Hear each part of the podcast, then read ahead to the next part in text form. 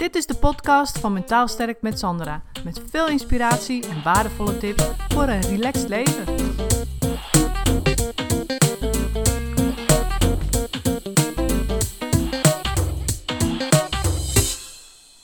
Hey, leuk dat je weer luistert naar een nieuwe aflevering. En vandaag ga ik een vraag beantwoorden van een van mijn volgers. En die vraag is: hoe kun je ervoor zorgen dat je je minder verantwoordelijk voelt? Voor sfeer, voor resultaten, voor mensen om je heen.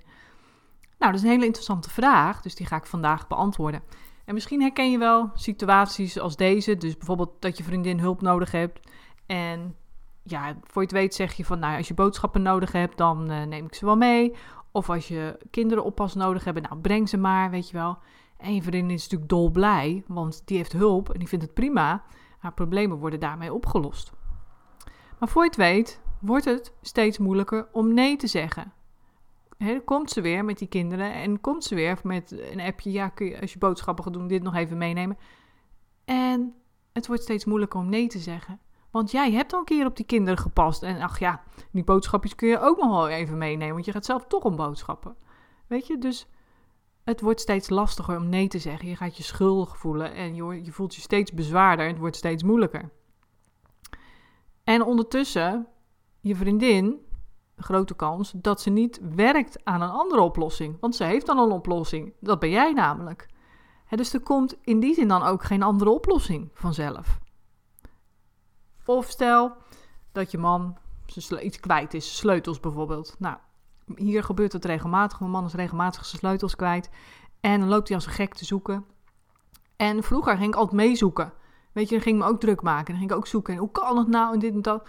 En zoeken en denken. En, maar, hè, want je wil geen nare sfeer. Je wil dat het opgelost is. Je wil niet dat iemand zijn sleutels kwijt is. Want ja, als je auto sleutels kwijt bent, hè, dan heb je toch echt wel een probleem. Dus dat wil je allemaal niet.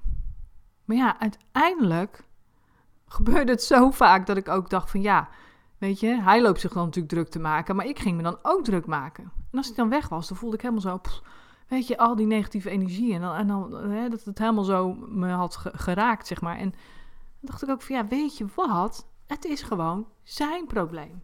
Het is echt zijn probleem. En het gebeurde zo vaak dat het gewoon op een gegeven moment ja, wordt het ook een soort van komisch. dat je denkt van, oh ja, heb je hem weer, weet je wel. En dat je denkt, nou ja, laat maar, het is echt zijn probleem. Tot nu toe is toch altijd weer, die sleutels zijn altijd op de een of andere manier weer boven water gekomen.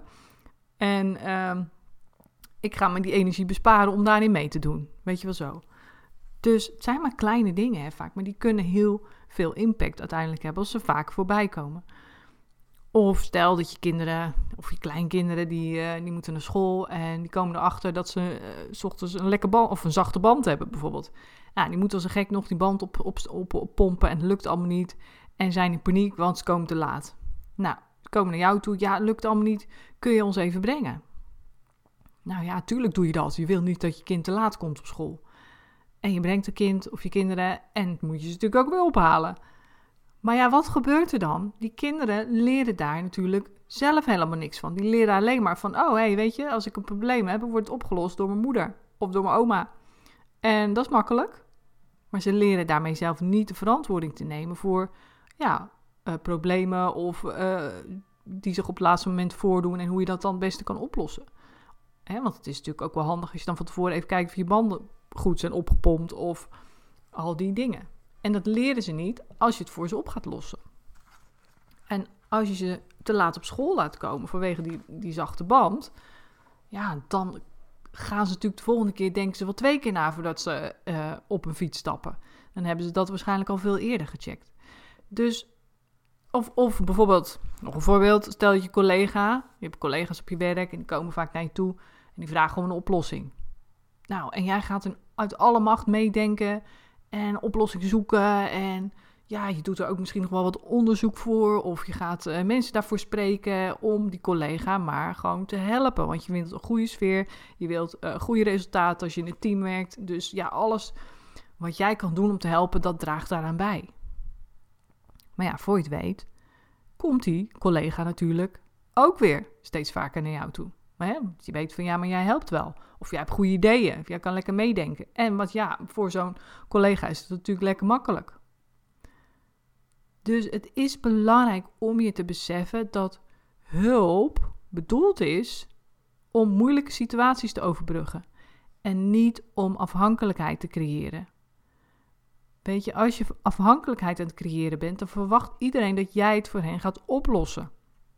En dan wordt die vriendin afhankelijk van jou, dat ze boodschappen in huis heeft.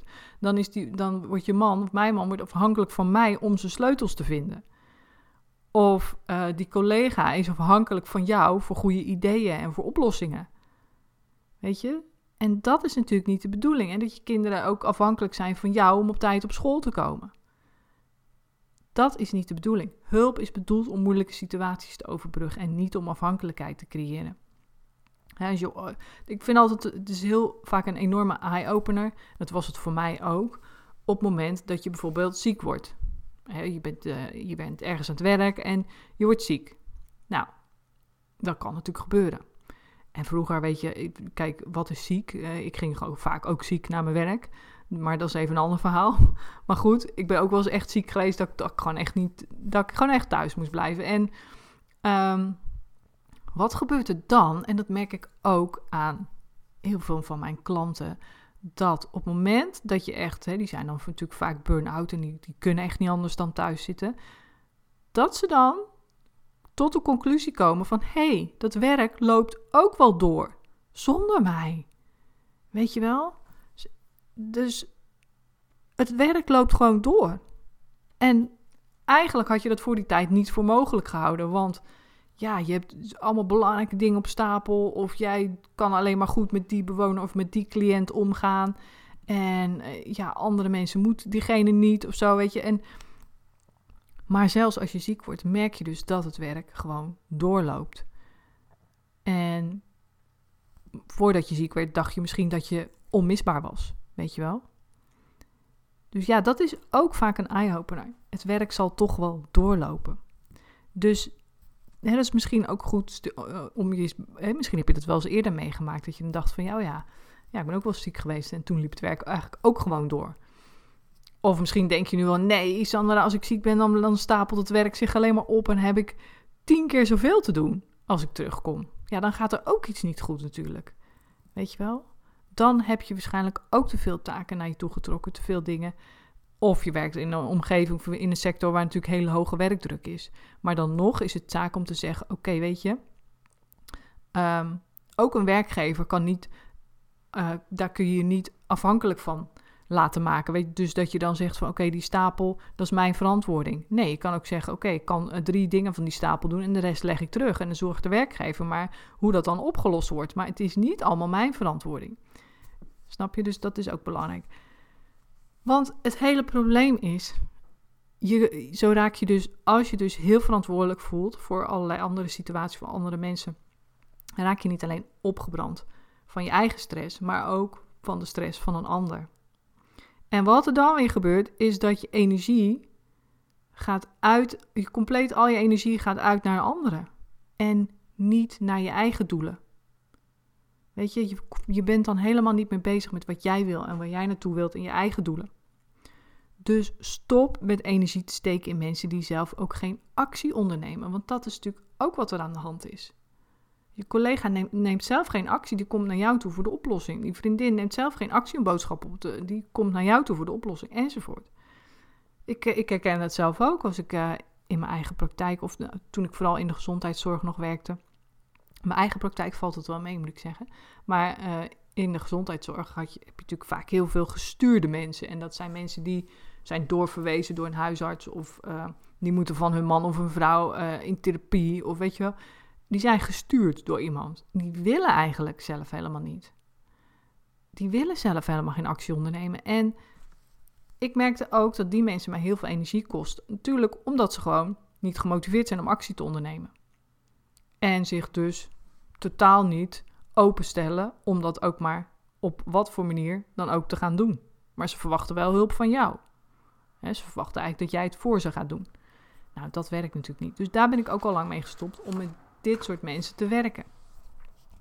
Dus het is heel belangrijk dat je je realiseert van is dit mijn stress of is dit de stress van een ander? En op het moment dat je merkt, hé, hey, dit is gewoon stress van een ander die ik mij op mijn nek heb gehaald, dan is het zaak dat je dat gaat terugleggen bij hem of bij haar.